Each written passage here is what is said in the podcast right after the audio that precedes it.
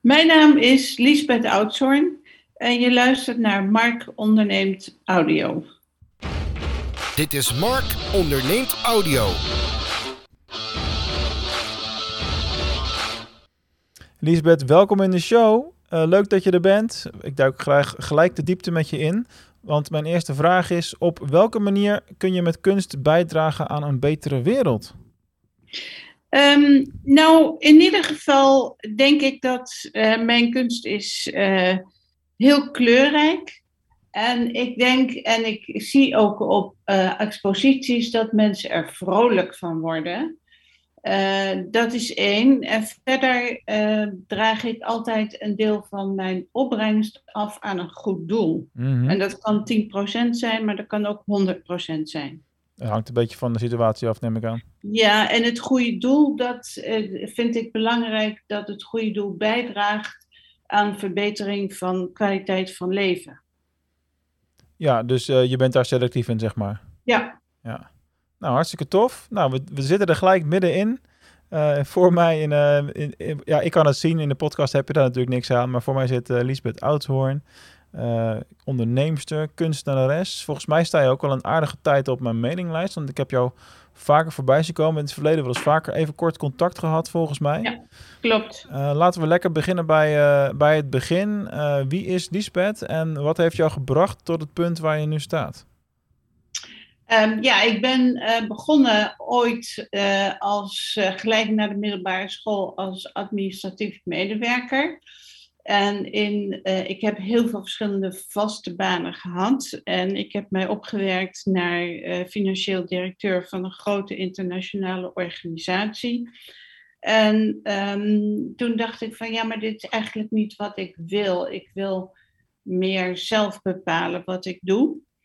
En uh, toen ben ik als interim manager begonnen, vooral in financiële afdelingen, maar heel veel verandertrajecten, coaching en uh, dat soort dingen. En in 2010 ben ik begonnen als uh, professioneel kunstenaar. En dat heeft mij uh, heel veel gebracht, want ik had het gevoel dat ik heel werd. Hmm. de combinatie interim management en, en schilderen, dat was voor mij een, een hele goede. En op een gegeven moment toen werd het schilderen uh, dusdanig succesvol, met name in het buitenland. Ik heb heel veel uh, in heel veel verschillende buitenlanden geëxposeerd, onder andere in Brazilië, in Vietnam, in New York, in Miami, uh, in Cannes, in Monaco, nou, noem maar op, mhm. Parijs mm -hmm. ook nog, Louvre. En um, ja, heel veel verschillende dingen dus gedaan en dat werd de veel. Dus ik heb het interim management wat uh, op een lager pitje gezet. Um, en um, dat ging heel goed tot ik twee jaar geleden een ongeluk kreeg, waardoor ik een probleem in mijn, aan mijn ogen kreeg. Dat was een hele grote verandering, want ja. ja, dan kan je een hele hoop dingen niet meer. En um, ja, nu ben ik zover dat ik, uh, ik, ik kan nog steeds slecht zien. Dus ik ben afhankelijk van anderen, maar ik ben wel zover dat ik nu weer um, de wereld in wil. Gaaf. Met mijn kunst en ook nog wat interim management als dat kan. Wat een uh, mooi verhaal. Ik krijg eigenlijk vier of vijf nieuwe vragen in mijn hoofd. Dus ik probeer ze een beetje te onthouden en dan uh, te schieten, zeg maar. En je, ja. je zegt, ik heb veel exposities gehad in het, uh, in het buitenland. Ja. Betekent dat dan ook dat je internationaal bekender bent als in Nederland? Klopt, ja. Ik, ik denk dat ik in het buitenland bekender ben dan in Nederland. Mijn kunst is ook niet zo... is, is altijd on-Nederlands. Omdat mm -hmm. de meeste Nederlanders liever uh, wat gedektere kleuren wil en wil zien wat het is. En ook liever niet al te groot. En ik werk heel graag groot. Ja, ja ik zag het al voorbij komen. Doeken van ja. uh, meer dan een vierkante meter, zeg maar. Ja. Oh, en ik heb trouwens ook nog... Um, uh, een jaar of vier geleden ben ik begonnen met een ander bedrijf. Um, en dat bedrijf dat heet Xelbo, met de X. Ja. En dat uh, maakt um, uh, relatiegeschenk, kunst als relatiegeschenk. Ja, daar gaan we zeker ook nog even op in, uh, inzoomen okay. zo meteen. Die, had ik, die had ik gelukkig van tevoren al gevonden.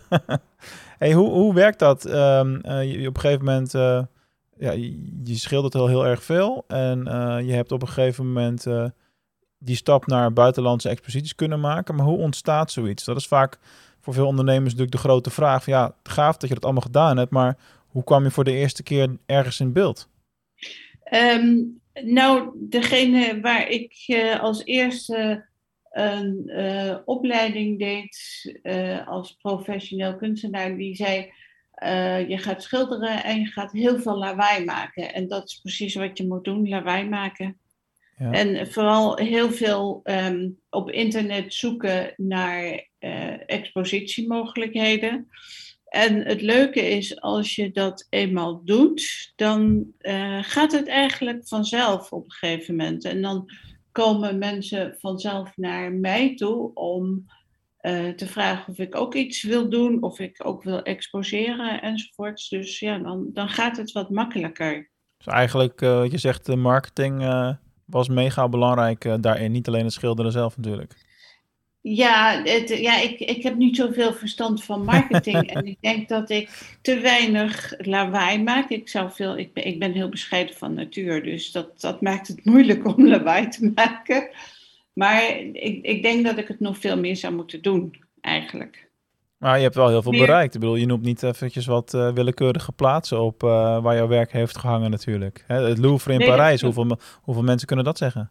Ja, nee, dat klopt. En dat is, dat is een kwestie van, ja, wat ik al zeg, uh, toch heel veel doen en laten zien. En um, ja. Is dat, niet ik, ook een, uh, is dat niet ook een makker van uh, heel veel kunstenaars? Ik bedoel, ik, ik ben niet zo heel erg thuis in die wereld, dus het is lastig om daar echt heel veel zinnigs over te kunnen, te kunnen zeggen natuurlijk. Maar mijn, mijn beeld is dat uh, heel veel kunstenaars vooral toch graag de kunst maken en zich opsluiten in hun hokjes om hun werken te maken. Uh, en maar niet zozeer inderdaad ja, daarin blijven hangen. Niet zozeer dat rondroep toeteren, zeg maar. Um, de, de, dat, ik denk dat je, je hebt twee verschillende kunstenaars, denk ik. De ene, dat, er zijn kunstenaars die zijn heel erg extravert en die, uh, die, die hoor je en zie je overal. Mm -hmm. En er zijn ook kunstenaars die uh, zich inderdaad opsluiten in hun atelier en daar mooie kunst maken. En ja, het, het wil niet zeggen dat als je heel veel uh, rond toetert en doet, dat je dan hele goede kunst maakt. Het is, soms maken mensen hele mooie dingen en die kent niemand. En dat is ja. heel jammer. Ja, dat, dat, dat brengt mij wel een beetje naar een vraag die ik al op had uh, geschreven. Want wanneer is kunst kunst? Waar zit die lijn? Wanneer... Nou, wat ik belangrijk vind uh, als mensen mijn kunst zien, dat ze uh, daar een gevoel bij hebben. Ja. En dat gevoel, dat kan zijn een enorme emotie. Het kan zijn dat ze, er, dat ze het intrigerend vinden. Het kan zijn dat ze er heel vrolijk van worden. En het kan van alles zijn, maar ze moeten, er moet wel gevoel zijn bij kunst, vind ik. Ik bedoel, het, het moet niet zo zijn dat je denkt van, oh mooi, en uh, volgende. Ja. Nou ja, toen jij net zei van mijn werk is onder andere in uh, landen als Brazilië uh, gehangen.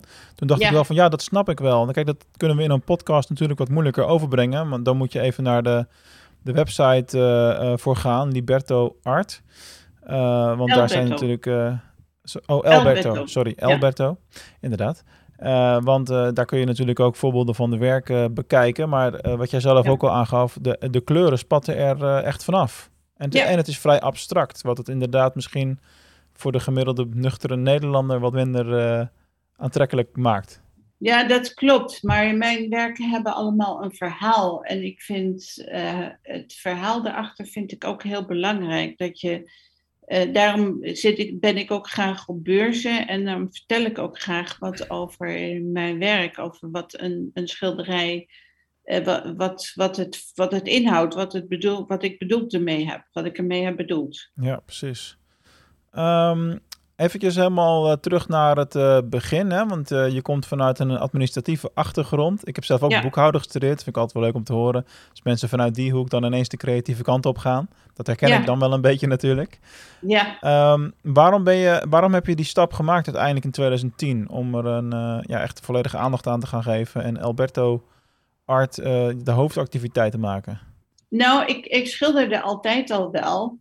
Uh, maar uh, ja, gewoon voor, voor leuk en voor thuis te hangen. En toen zei iemand tegen me van, en als je nou de keuze kreeg, ik word er nog emotioneel van, als je nou de keuze kreeg, wat zou je dan het liefst willen doen? En toen zei ja, schilderen natuurlijk. En toen zei hij, waarom doe je dat dan niet? En toen dacht ik van, ja, als ik het nu niet doe, want ik was niet zo jong meer. Mhm. Ik dacht, als ik het nu niet doe, dan heb ik misschien later, over een jaar of vijf, denk ik misschien van, had ik maar. En toen dacht ik, ik ga het gewoon doen. Wat mooi. Ja. Dat zijn toch ook de, de- echt, een, echt een levensveranderende beslissing natuurlijk. Ehm, ja, het was wel iets waarvan ik, ehm, waar ik zenuwachtig van werd. ja, dat klopt. Ja. Maar ja, aan de andere kant, als je het niet doet en vijf jaar later denk je van, eh, had ik dat nou maar gedaan en nu ben ik te oud, nu kan ik niet meer. Ja, dat is toch doodzonde. Maar het is wel heel moedig toch, dat je dan toch die beslissing hebt eh, genomen. Want hoe, hoe moeilijk was dat dan voor je? Nou ja, weet je, al, voor jezelf beginnen is sowieso heel eng. Mhm. En eh, voordat ik voor mezelf begon als interim manager, toen heb ik daar heel lang over nagedacht. En, en toen dacht ik van ja, maar dit is wat ik echt wil. De, ik wil gewoon zelf bepalen wat ik doe in mijn leven. En ik wil zelf bepalen wanneer en, en hoe ik het doe. En dat kan alleen maar als je zelfstandig bent, denk ik. Eh, ja, dat is eh, moeilijk te ontkennen. Zeker in een ondernemerspodcast, hè? Dus dat Ja. was al heel eng om te doen. En ja, eigenlijk was eh, de stap naar eh, kunst eh, was niet zo heel groot. Want ik, ik wat ik al zei, het, het, ma het maakt mij ook blij om te schilderen. Dus ja, Ja, dat en is, ik vind je werk moet niet op werken gaan lijken. Je werk moet ook leuk zijn. En ja, ja. ik bedoel, eigenlijk is, is het nu een beetje meer mijn hobby dan mijn werk. En is die dat- scheidingslijn er nog wel? Want even heel, heel kort door de bocht. Die interviews die ik nu aan het opnemen ben, zoals nu met jou. Ik doe dit omdat ik het onwijs leuk vind. En dat, dat het vervolgens ook een werkresultaat oplevert. Dat is mooi meegenomen, bij wijze van spreken. Ja. Maar dit, is echt, Nee, dit, maar- dit voelt echt als hobby hoor, voor mij. Ja, maar dat is ook. Ik, ik vind ook dat je werk moet niet vervelend zijn. Je moet iedere dag eigenlijk uit je bed springen en hoi, ik mag weer. Ja, ja. Toch? ja zeker. Nou, dat, dat, is, dat is fijn als je dat kan doen. En het, het kan best zijn dat er dingen tussen zitten die minder zijn, maar over het algemeen moet het toch gewoon leuk zijn, je werk. Ook is- als, je, ook als je bij een bedrijf werkt, hè, dan moet het ook gewoon leuk zijn, vind ik. ja, en toch is dat voor heel veel mensen niet eh, vanzelfsprekend in elk geval. Nee, dat is jammer. Mhm. Dat is jammer. En ik heb ook altijd, ook in mijn interim werk, als ik eh, een afdeling eh, leiding gaf, en dat doe ik nog steeds als ik de kans krijg, dan wil ik ook de mensen, ehm, wil ik ook dat mensen plezier hebben in hun werk. Dus ik wil mensen, ik wil horen lachen en vrolijk en het, het moet niet allemaal zo naar zijn. En eh, had je dat in het, in het werk wat je deed voor 2010, grofweg dan, zeg maar, had je dat wel? Dat je Ja. op een gegeven moment dat je tegen ging staan, zeg maar?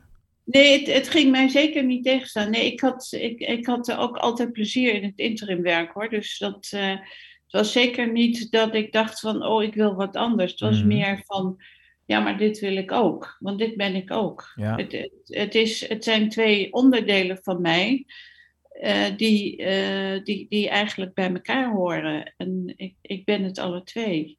Ja, tuurlijk. Mooi zeg. Hey, um, je had het net ook eventjes over uh, het ongeluk wat je hebt gehad zo'n twee Ja. jaar geleden. En Ja. dat je nu nog steeds last hebt uh, van slecht zicht. Ja, Uh, klopt. wa- wat voor impact heeft dat op de manier waarop jij kunst maakt? Ehm, nou, het heeft in ieder geval gezorgd dat ik, eh, want ik, ik eh, maakte altijd schilderijen meer eh, ook figuratief, dus, dus niet eh, heel erg abstract, maar ook figuratief vooral.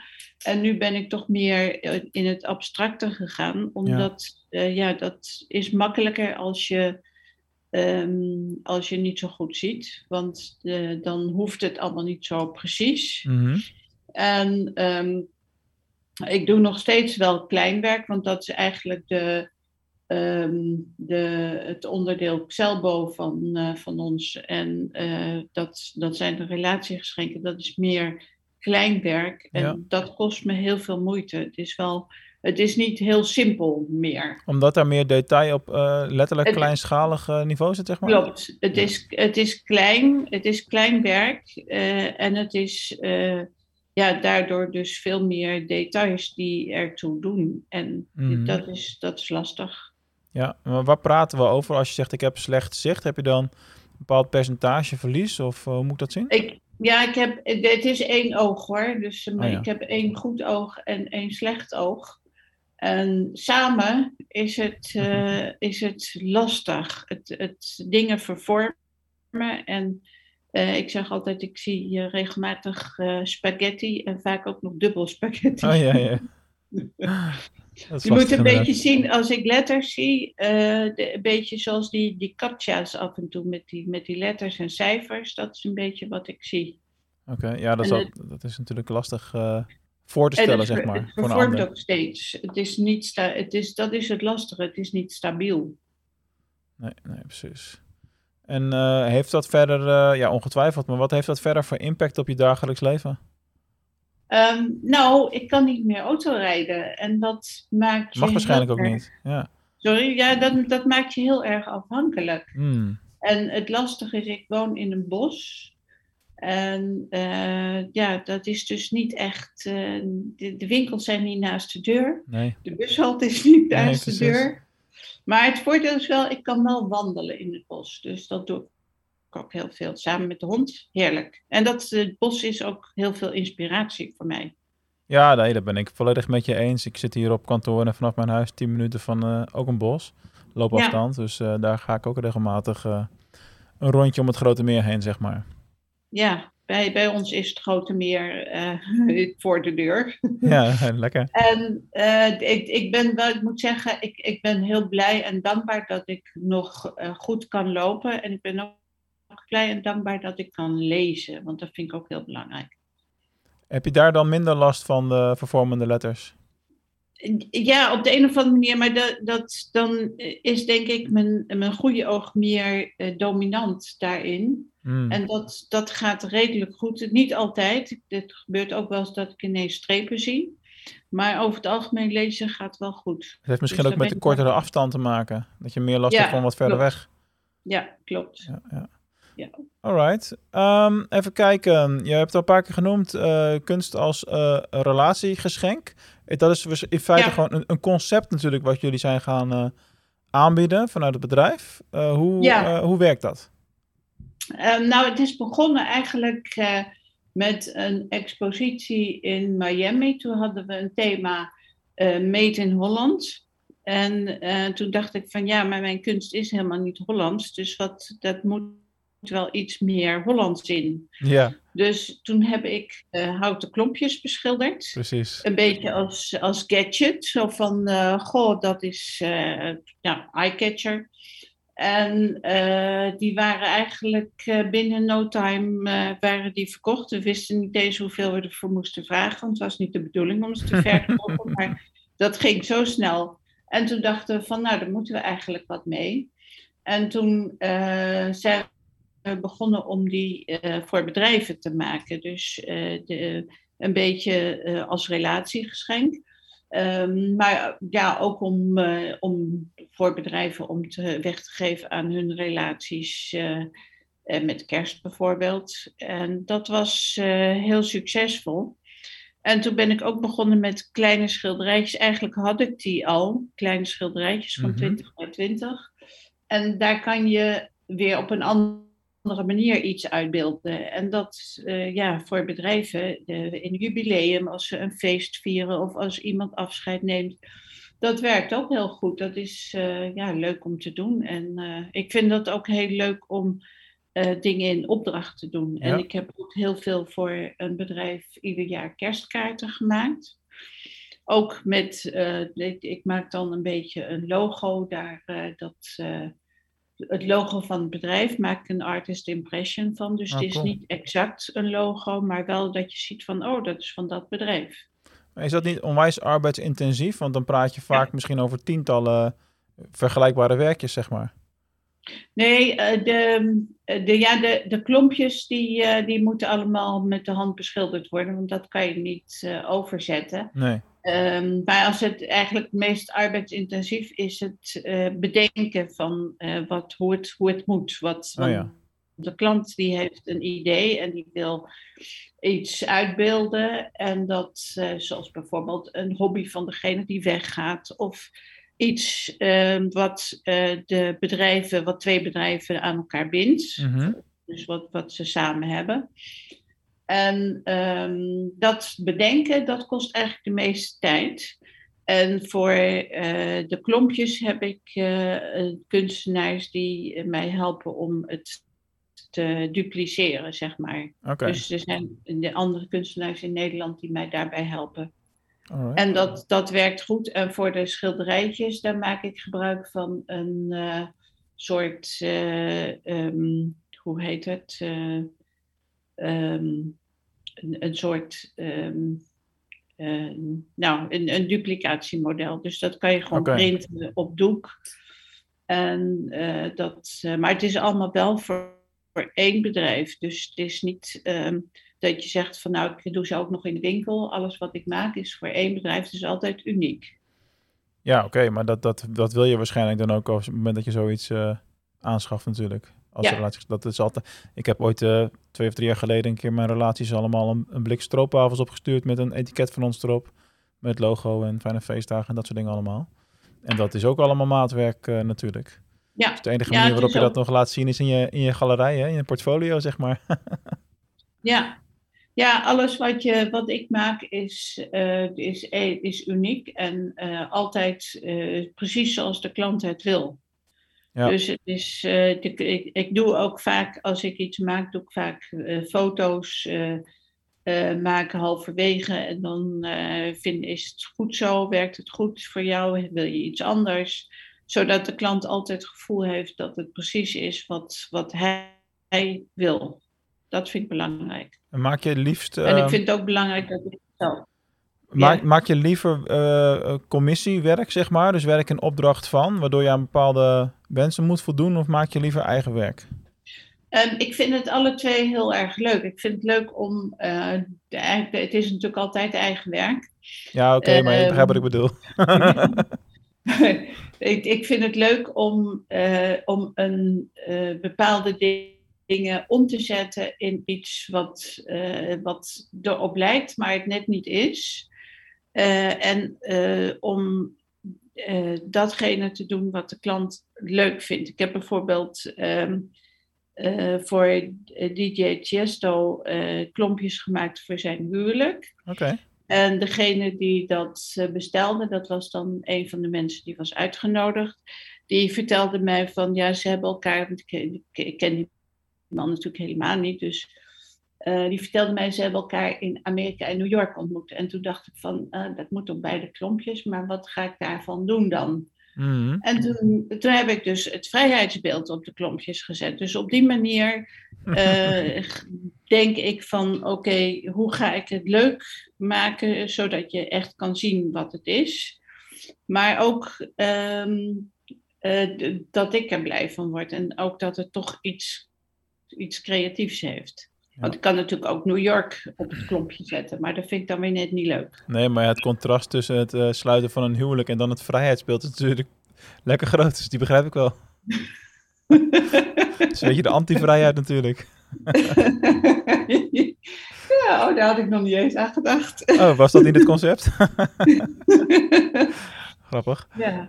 Oké, okay. ja. um, als je kijkt naar uh, het, het, formaat van jouw uh, um, schilderijen, dan, dan zijn ze inderdaad, wat je zelf maakt, zeg maar, af en toe vrij groot. Uh, ja. Werkt dat anders ook? is, is de manier waarop je het dan moet doen anders dan ja, de kleinere werken? Heb je grotere kwasten bijvoorbeeld, of gewoon meer potten verf nodig, simpel gezegd? Um, nou, een groot werk doe ik wel met een grotere kwast. Want anders dan als je met een heel klein kwastje een vierkante meter moet gaan ja, dat gaat niet werken. bedekken, dan ben je wel even bezig.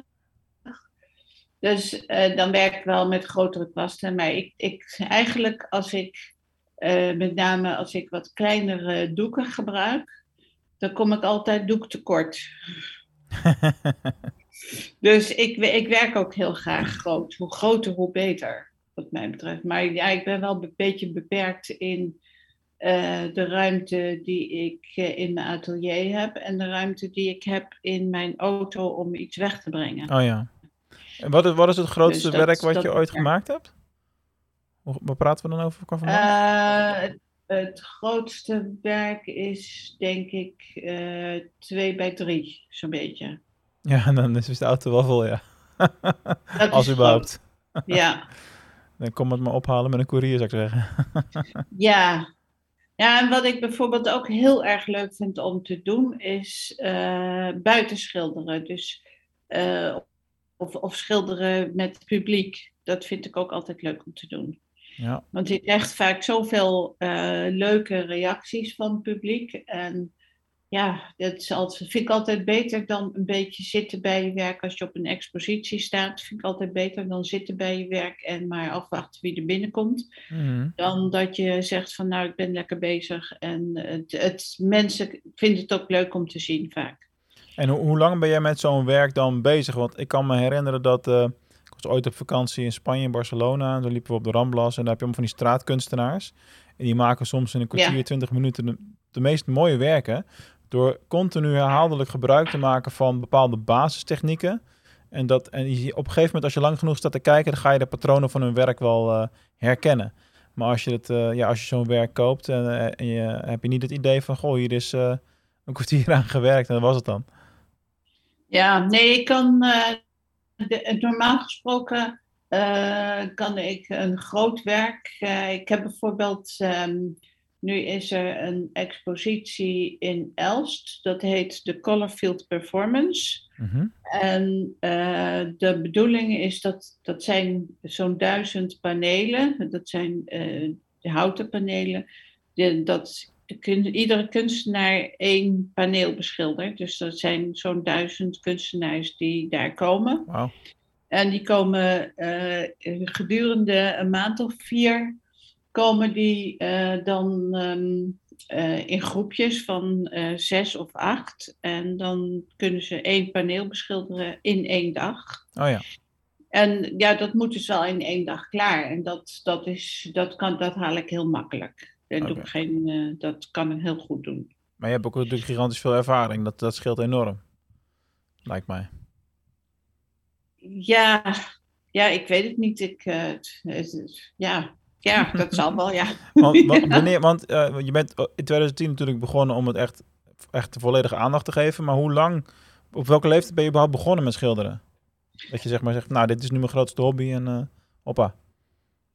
Um, uh, ja, toen ik een jaar of. Uh, ik denk vanaf mijn uh, veertiende of zo. Ja, kijk, dat is wel aardig, aardig op tijd. Ja, maar het is niet zo dat ik, dat ik iedere dag dan geschilderd heb hoor. Ik bedoel, dat, ja, dat, ik ben ook begonnen met tekenen. En, dus dat is dan toch weer net iets anders. Ja. Maar ik, ik heb het wel inderdaad heel lang altijd gedaan. En ik denk dat ik um, nou zo'n 20, uh, 25 jaar geleden begonnen ben met schilderen. En uh, met wie wordt, uh, wordt jouw werk wel eens vergeleken met een eh, andere, al dan niet bekende eh, schilder die, we, die het grote publiek misschien ook kent? Um, nou, een van mijn werken, die zei iemand van, het doet me een beetje denken aan Nicky de Saint-Val. Maar dat is waarschijnlijk ook niet wat het grote Nee, sorry, zeg mij niks. Maar misschien ken je die, uh, die grote beelden, hele grote beelden van dikke dames. Hele grote beelden. Ja, ja ik, mijn uh, stiefmoeder is daar fan van. De dikke dame heet het inderdaad. Ja, nou dat is Nicky de Saint-Val. Ah, oké. Okay. Oh, nou, als hij dit terug hoort, dan, uh, dan krijg ik al op mijn kop dat ik die naam niet gelijk herken. ik kan ja, me herinneren nee, dat, dat, ik in uh, 2001 of zo in Rotterdam op de hogeschool uh, kreeg ik wel kunstgeschiedenis. Vond ik wel een leuk okay. vak toen. Wel, er zat ook een heel mooi boek bij. Ik, ik ben alles alweer vergeten hoor, dat is 20 jaar geleden. Maar kan, dat herinner ik me wel als een van de leukere, leukere vakken.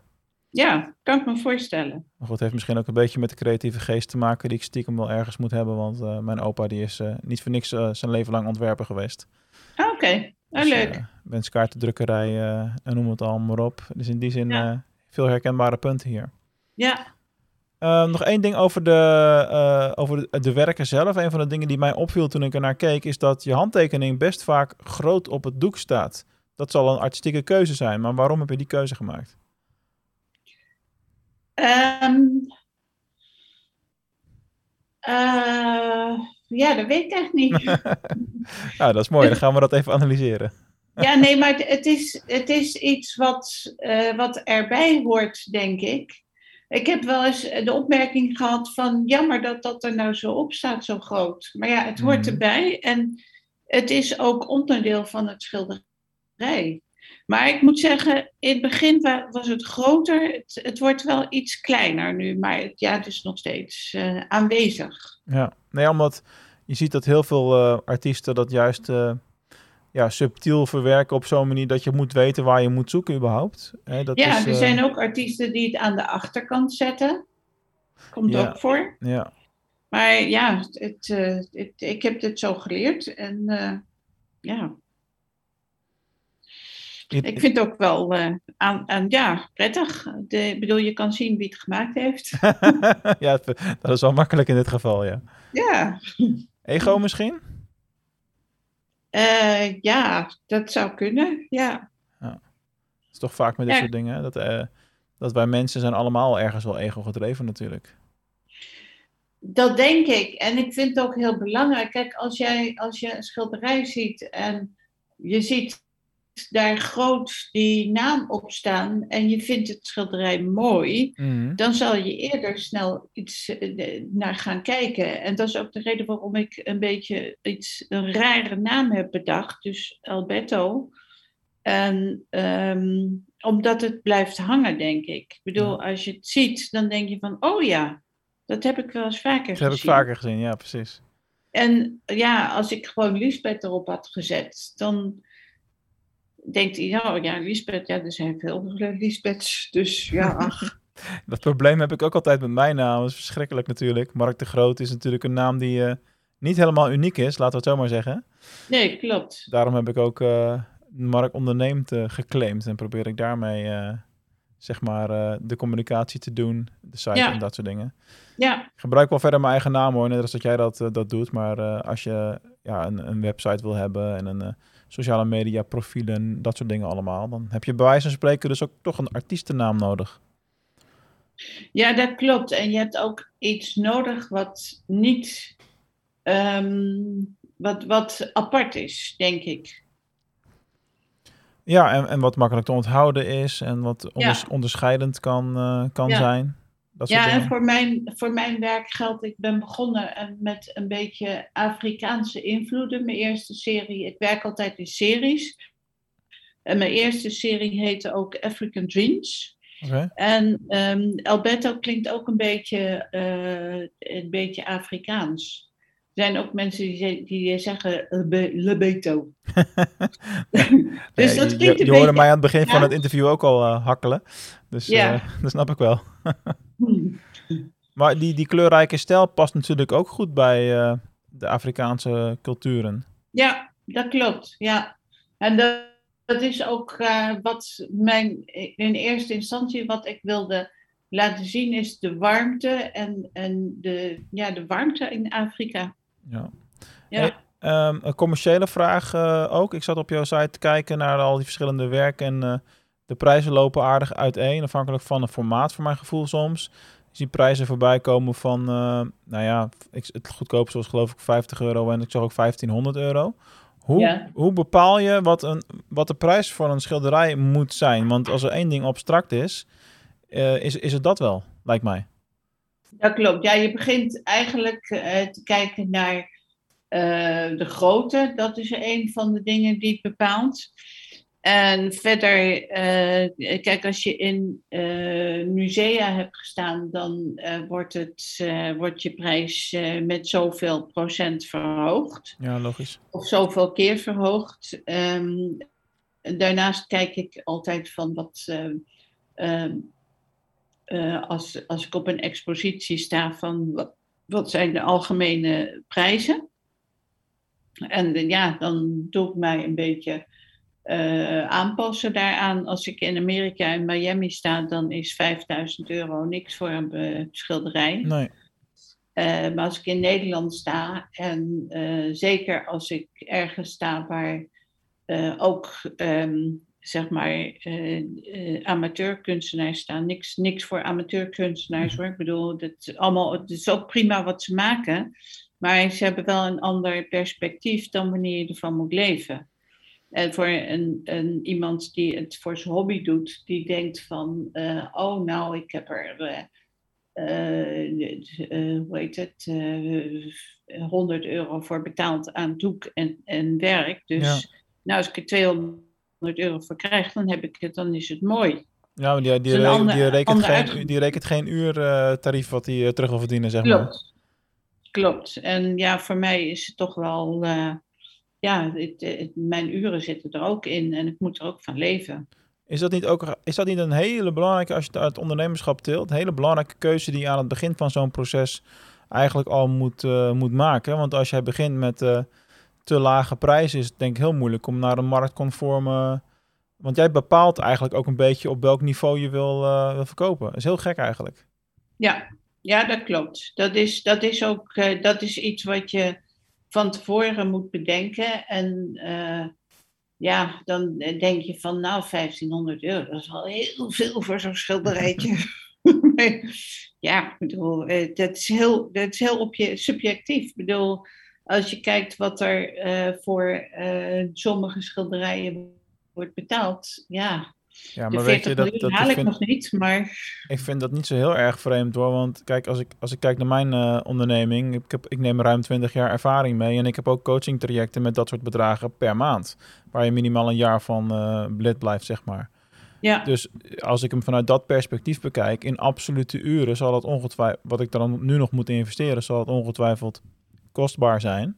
Als je hem Mm. zo gaat bekijken. Maar ja, eh, of, of ik voor je neus sta met 20 jaar ervaring, of een beginnende coach eh, die eh, net twee jaar bezig is en veel minder heeft meegemaakt, dat, dat ja, zie je uiteindelijk terug in het eindresultaat. En dat is wat de klant Ja. hè, koopt meestal. Ja, het, het perspectief wat erachter zit. En ja, in jouw geval koop je ook gewoon de- naam inmiddels en, en de historie die je hebt opgebouwd. En mogelijke waardestijging in de toekomst zal ook wel een rol spelen, Ja. denk ik. Hè? Want de meeste Ja, en ook- kunstenaars verdienen pas goed geld na hun dood. vaak wel. En eh, dat komt ook omdat het dan, eh, eh, hoe heet het, minder. de- er, komen, er komen geen werken meer bij. Dus het is Dat wat exclusiever. Ja. ja.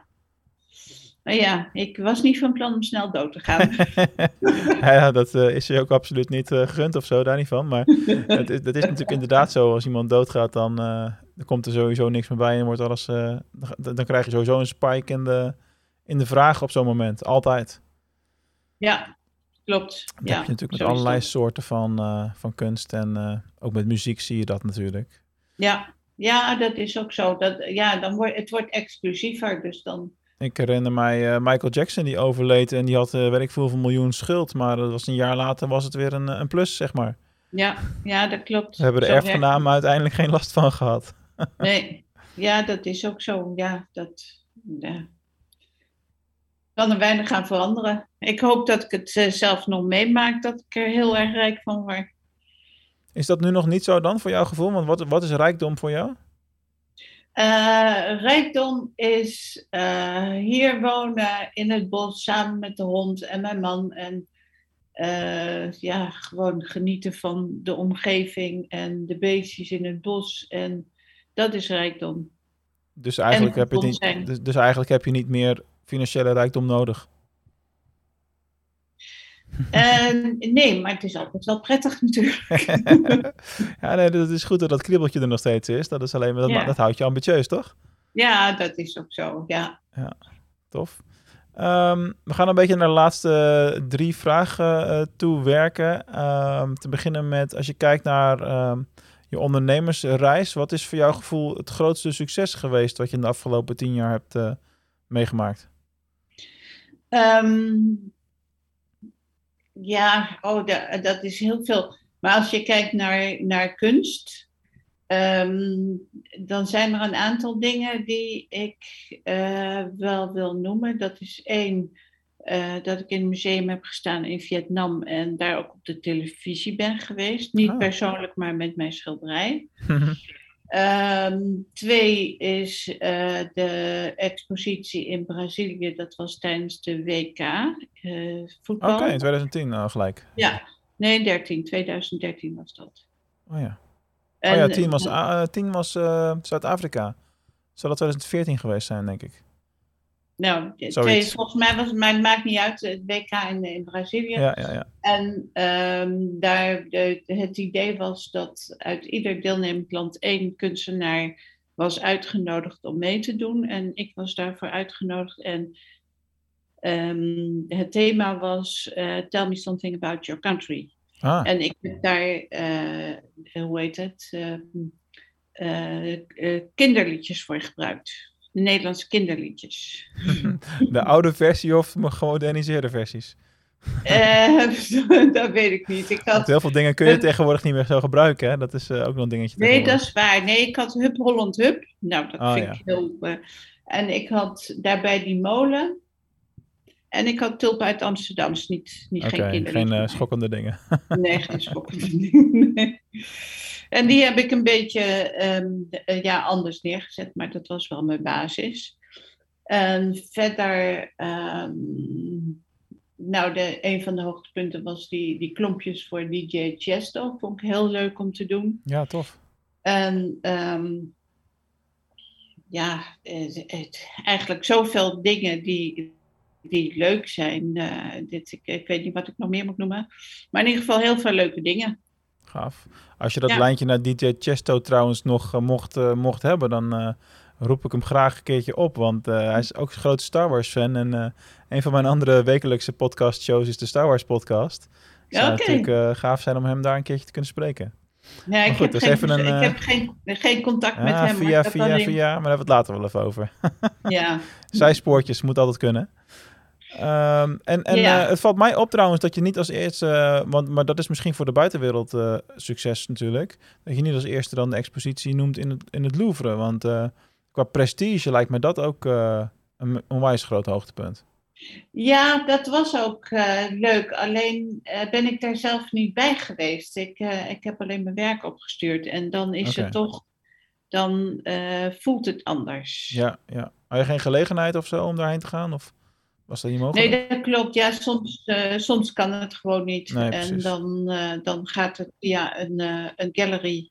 En die regelt dat dan. En dan ja, is dat zo. Ja, precies. Maar ik ben wel nog in Monaco geweest. Dat was trouwens ook heel erg leuk.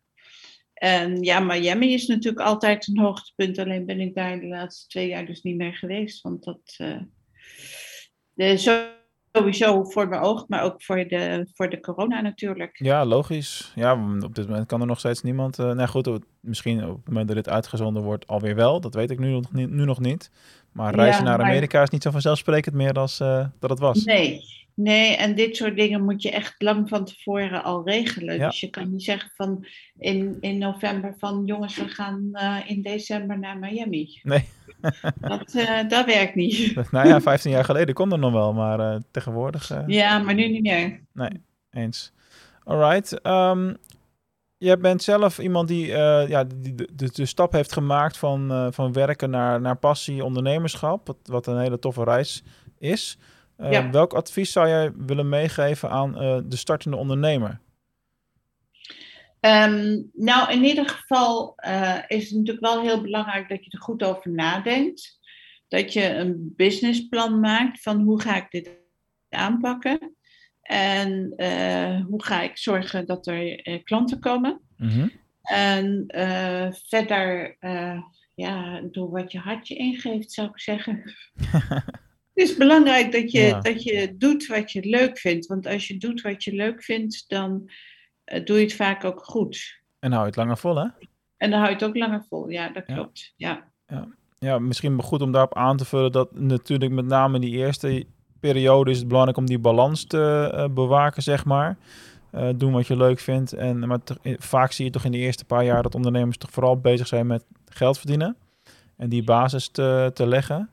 Ja. Dat, dat moet ook wel natuurlijk. Hè? En ja, als het goed gaat, dan kun je later weer wat meer die balans trekken naar puur je passie, zeg maar. Ja, maar ik vind ook, zeker als je voor jezelf eh, gaat ondernemen, als je dat zelf gaat doen, dan moet je wel doen wat je leuk vindt, want anders hou je het gewoon niet lang vol. Dat is waar.